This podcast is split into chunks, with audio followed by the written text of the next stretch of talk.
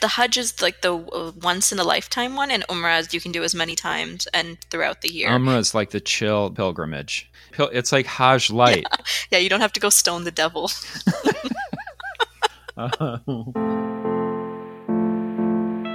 Sir Syed Ahmed Khan was known as a philosopher, an Islamic reformer, and the founder of the first Muslim university in South Asia in 1875. But he was also interested in science, in Darwin, and in theories about human evolution.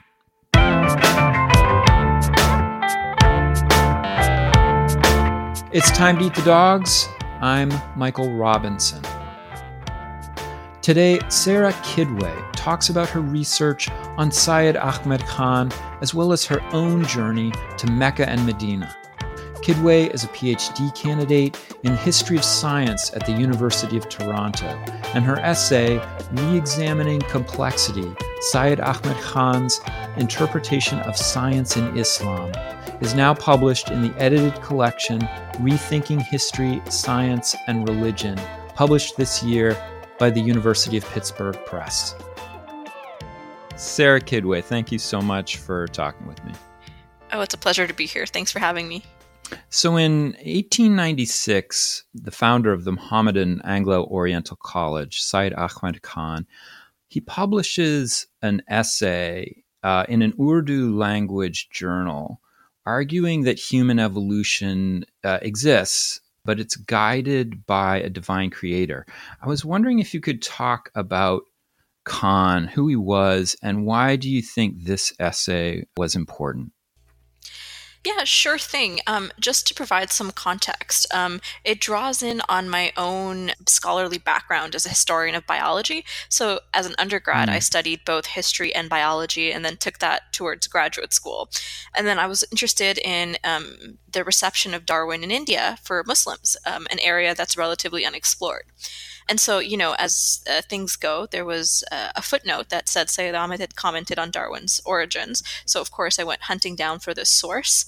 The page number was wrong in the initial footnote, but um, I did find this text. Uh, and the title of this paper was Adna Halat Se Ala Halat Per Insan Ki Taraqi. So that's Urdu. And in English, it's the stages of human development from inferior to superior state. And while in the article he does mention Darwin, um, what was surprising to me was how he was like, oh, yes, uh, you know, if we found the missing links Darwin mentions, they would only prove the similarities. So it was kind of like, you know, what's the problem with Darwinism? Let's continue on to talk about human evolution and Islam. Hmm.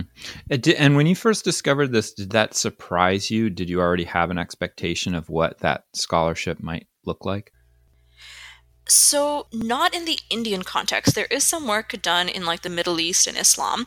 Um, in the Indian context, some of the more uh, robust publications were in Hindu perspectives of evolution.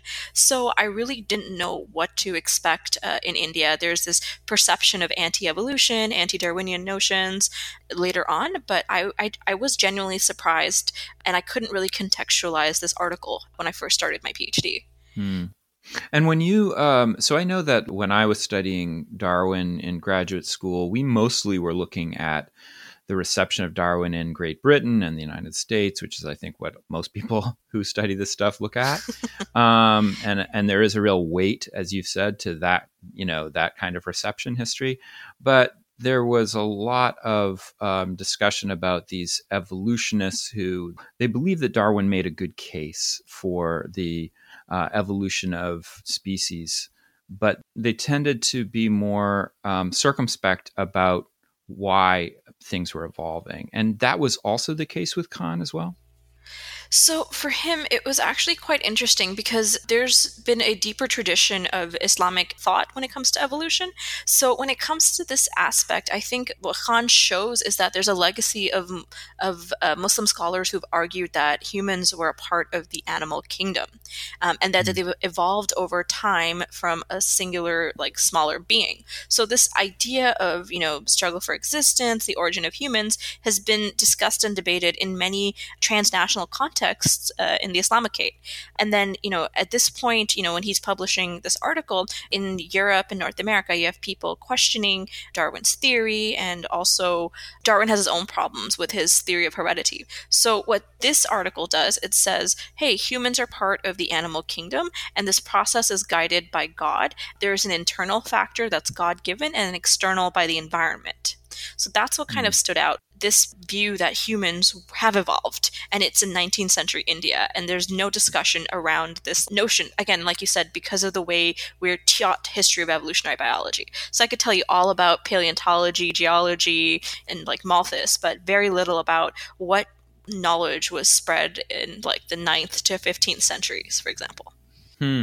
and I thought it was interesting also yeah in your article you draw upon these earlier discussions within the Islamic literature about subjects such as evolution. And as well as you seem comfortable in calling Khan a Darwinist, making the case, and I thought this was interesting, that there's a whole bunch of people in the West, like Asa Gray in the United States, who also sees himself as a promoter of Darwin, even though he also thinks that God is a kind of driver of of evolution. Am I am I getting that right? I, I wouldn't necessarily say Darwin. I would more say the concept of human evolution.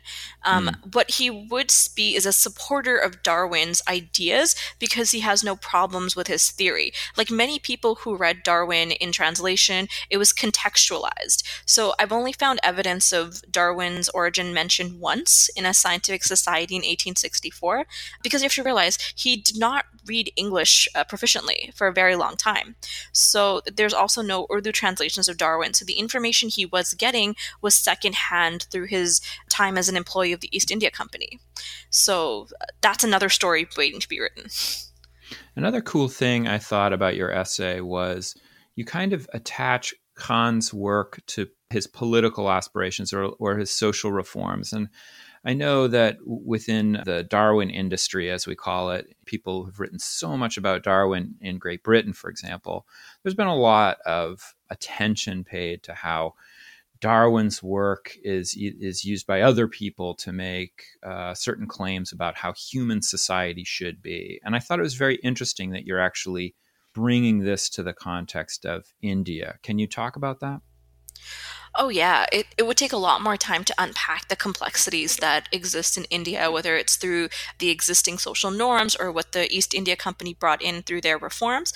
But this notion of uh, hierarchies was there, of course. So Syed Ahmad Khan believed in racial hierarchies in this article. So he outlines, you know, the white man being at the front, uh, Christianity being like 600 years ahead of Islam, but then also like progress is possible because humans haven't reached their highest form. So it's been. Mm difficult trying to parse out these views and contextualize them in conversations in the 19th century. And like again, we have to be sensitive to what is said and what was meant in the article itself.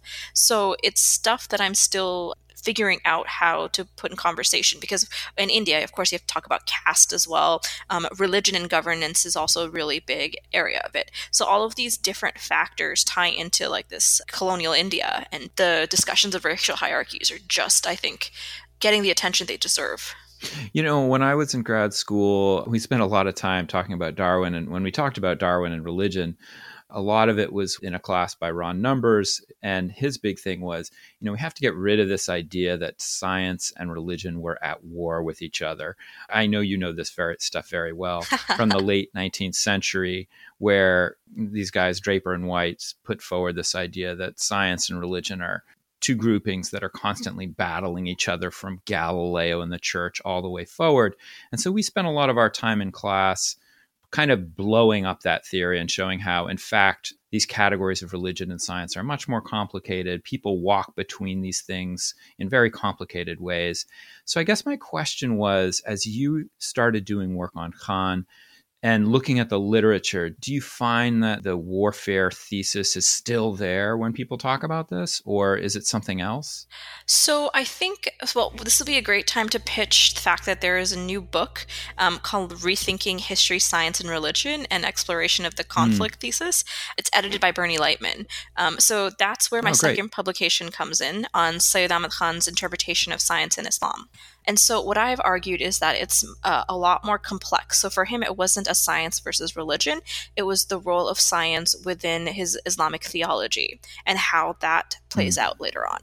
Can you elaborate a little bit? But what's the difference between those two? Okay, so like we've uh, slayed the conflict myth, right? So science and religion are not at war. Now, what we've moved to uh, in the historiography is the complexity thesis, which requires each um, episode to be um, assessed in its own uh, state. So you can still have conflicts, but it's not the perennial like science and religion are at war. So in this particular context, you have a Muslim who's also trying to under- make sense of scientific knowledge. So in the article, what I talk about is his views on astronomy. So in 1848, he publishes this text of Qalimatin Darab Harkat Zamin, uh, which is firm assertions with the declaration to the false movement of the Earth. Um, and in that, he says the Earth does not move.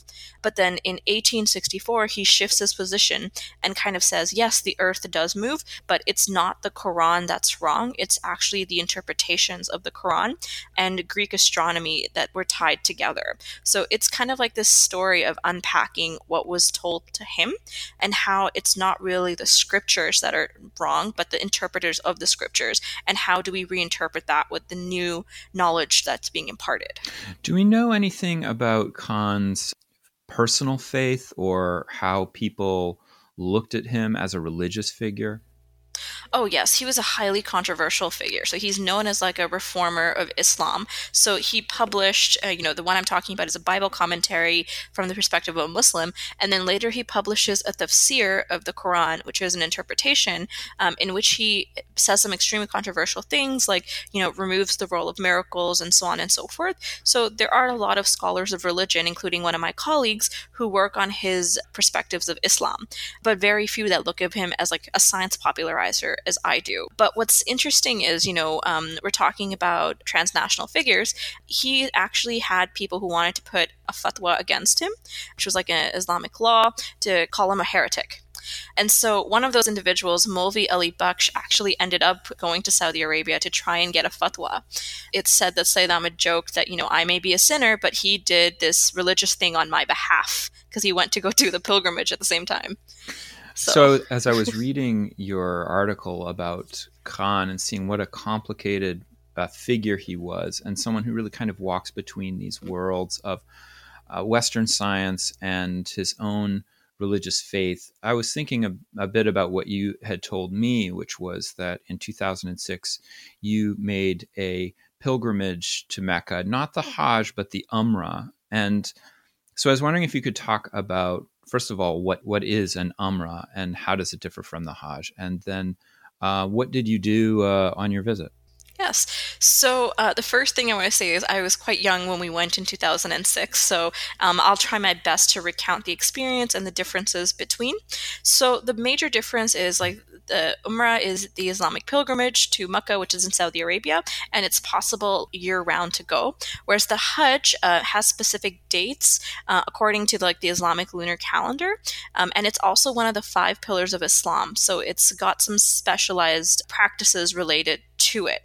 So, like with the Umrah itself, there are specific things you have to do. So, one of the things is called like assuming the state of the Ihram, which is a purification. So, there's like certain um, mm. rituals you have to follow to make sure you're clean, and then you put on the Ihram, which is usually a white cloth or a baya, um, and then you have to start from one of the corners of Mecca and then go towards the Grand Mosque, the Kaaba.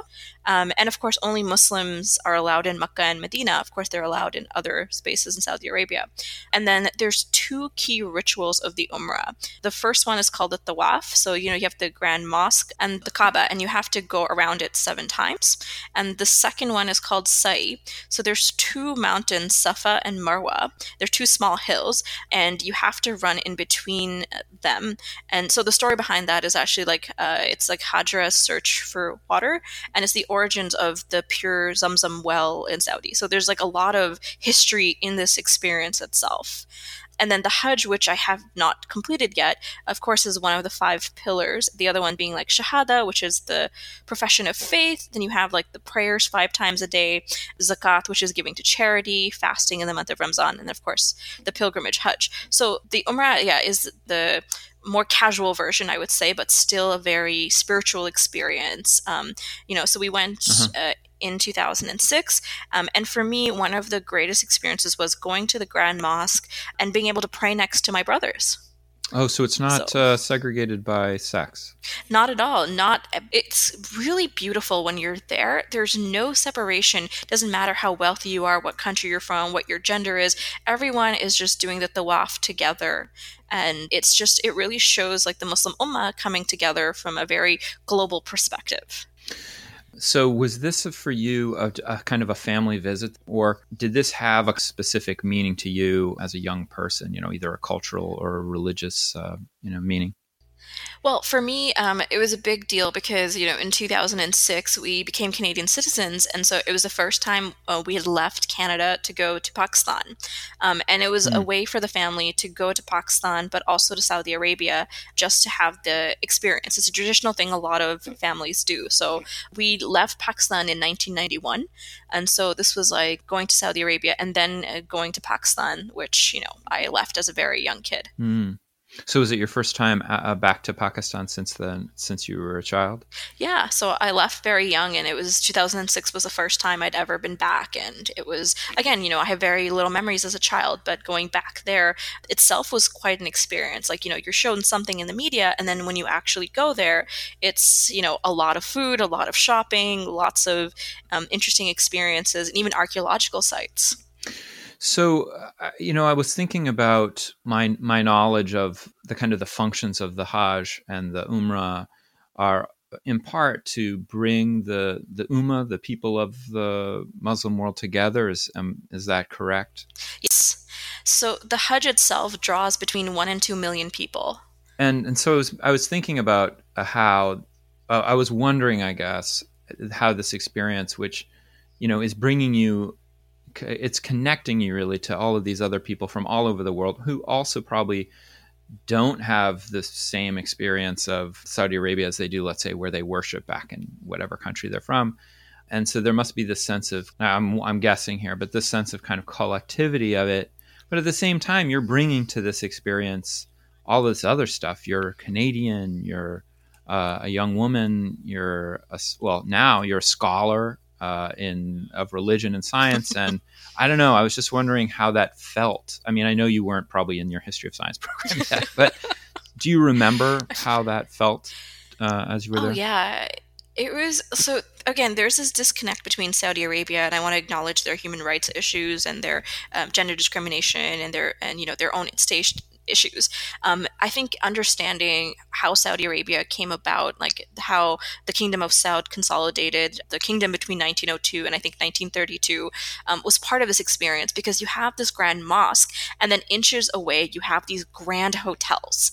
Like there's a famous clock tower hotel, and just sheer Saudi wealth just comes out of these places. Mm. Um, and hmm. then of course you have the House of God. So you see the capitalism meeting the religious experience too, and like separating the two uh, was quite interesting because you know Makkah is where the Kaaba is. Then you also have Medina, where the Green Dome Mosque is, where there's um, prominent figures of Islam buried. So we also ended up going there, and I personally found Medina more peaceful and calm, uh, and Makkah was very charged. Mm. And so, uh, experiencing those two sites that are important to uh, Islamic history for me, I think, is one of the reasons I still strongly identify with the religion and understand that the history needs to be shared and, you know, unpacked in the Western Academy in a way that it's not. Yeah, I I remember after college, I lived in Egypt for a couple of years. I was brought up in a very devout Catholic household, and by the time I was in college, I had pretty much lost my faith and was an atheist, but I remember the first time I traveled to Jerusalem on a trip from Egypt, and uh, it was really actually quite intense uh, for me to walk through these places that I had read about for so many years or had heard talked about in service. Places like the Mount of Olives and the Church of the Holy Sepulchre, and all of these places. And I was actually quite emotionally affected by it, even though I felt like I was in a very different place. And I don't know whether that same experience is attaches to, for example, the Umrah for you or or or not. So for that, I would say I think just given my age at the point, it was a very significant moment, yeah. and it's I very clearly remember. You know, there was also like an we went to a few archaeological sites. So like there was one we went where the Treaty of Hudaybiyah, so the Hudaybiyah as we call it, was signed, and Umrah was allowed. So I really at that point knew that I appreciated archaeology and history as a discipline, um, and wanted to learn about why, if I was raised in North America, I didn't understand my own roots, and that kind of contributed mm. to my desire desire to be a scholar that focuses on the global south and on histories that are marginalized, especially in history of science. Hmm. So, but that actually reminds me of, uh, I think last summer when I was in Spain, in hmm. Granada. Uh, and that's, of course, you know, uh, Muslim Spain, I think from like uh, the 8th uh, century to I think the 15th century, something like that. You know, Islamic Spain and all the architecture that was there, I really felt a sense of connection. Um, and the fact that, you know, mm. when hmm. we talk about Europe, we kind of omit this entire episode of, you know, Islamic Spain and what would happen there. when you when you made your trip or or even well yeah let me let me frame it this way um, did you have any expectations of what the experience would be like in advance of going and did the trip match those expectations or did, did something surprise you so for the Umrah, um, my grandmother, my nani, she goes almost every other year, um, and for her, it's always a, a part of her life. So I had certain expectations of what it would be like based on the stories she shared. So, mm. um, and it did match up to that, but also like there were so many other things. Um, one of the things they did, it's uh, it kind of stood out is, uh, you know, um, if you've committed uh, any form of burglary or crime, there's like different really harsh penalties. Like you lose, uh, like, you know, you can get your arm cut off. And so the beggars that were sitting outside the mosque actually, um, I still remember it was horrific. What you could tell what their crime was based on where they were amputated. Wow. And that's, yeah. And I, I remember that. So that's not something, you know, my grandma would tell me about. But then there were other things that were much more positive, like, you know, meeting people from different parts of the world, just taking photos for a person's family. So there was like the darker side, but also like the brighter side of, wow, you know, I'm never going to be in a space with so many different people from around the world. Yeah. Um, and do you have plans, or have you made plans for um, for doing the Hajj at some point? So, one of the things is uh, so for the Hajj, it's not mandatory until you are financially stable. So, currently, mm-hmm. I am a mm-hmm. graduate student. So, um, so the answer would yeah. be not for the Hajj, but yeah. maybe for the Umrah because they recently changed the age limit for women to get their visas. Before mm. it was 45, or you couldn't travel without a mehram, which is like a male family member. Yeah. Um, but recently they relaxed uh, the travel rule. So actually, I really mm. want to go do an Umrah with my grandmother because for her, it's a big part of her, like, you know, as someone, her own experiences, like, you know, born in India, tra- partitioned to Pakistan, and is now getting her Canadian citizenship. So I do want to go for the Umrah again. And Hajj, you know, hopefully, if I ever get an academic job, we'll talk then. Yeah. yeah. yes, we will talk then. I'm, I'm going to want to hear about that as well. Oh, yeah. Sarah Qidwai, thank you so much for talking with me. Oh, thanks for having me. It's been a pleasure recounting my journey here. That's it for today. The music was composed by Zabrat. Make sure you check out the Time to Eat the Dog's website podcast links and other exploration related stuff. And if you get the chance, please take a minute to rate and review the show wherever you get your podcasts. It really helps make the show visible to new listeners. And if you want to recommend a guest or make a comment, feel free to contact me at time to eat the dogs, that's one word, lowercase, at gmail.com. See you next week.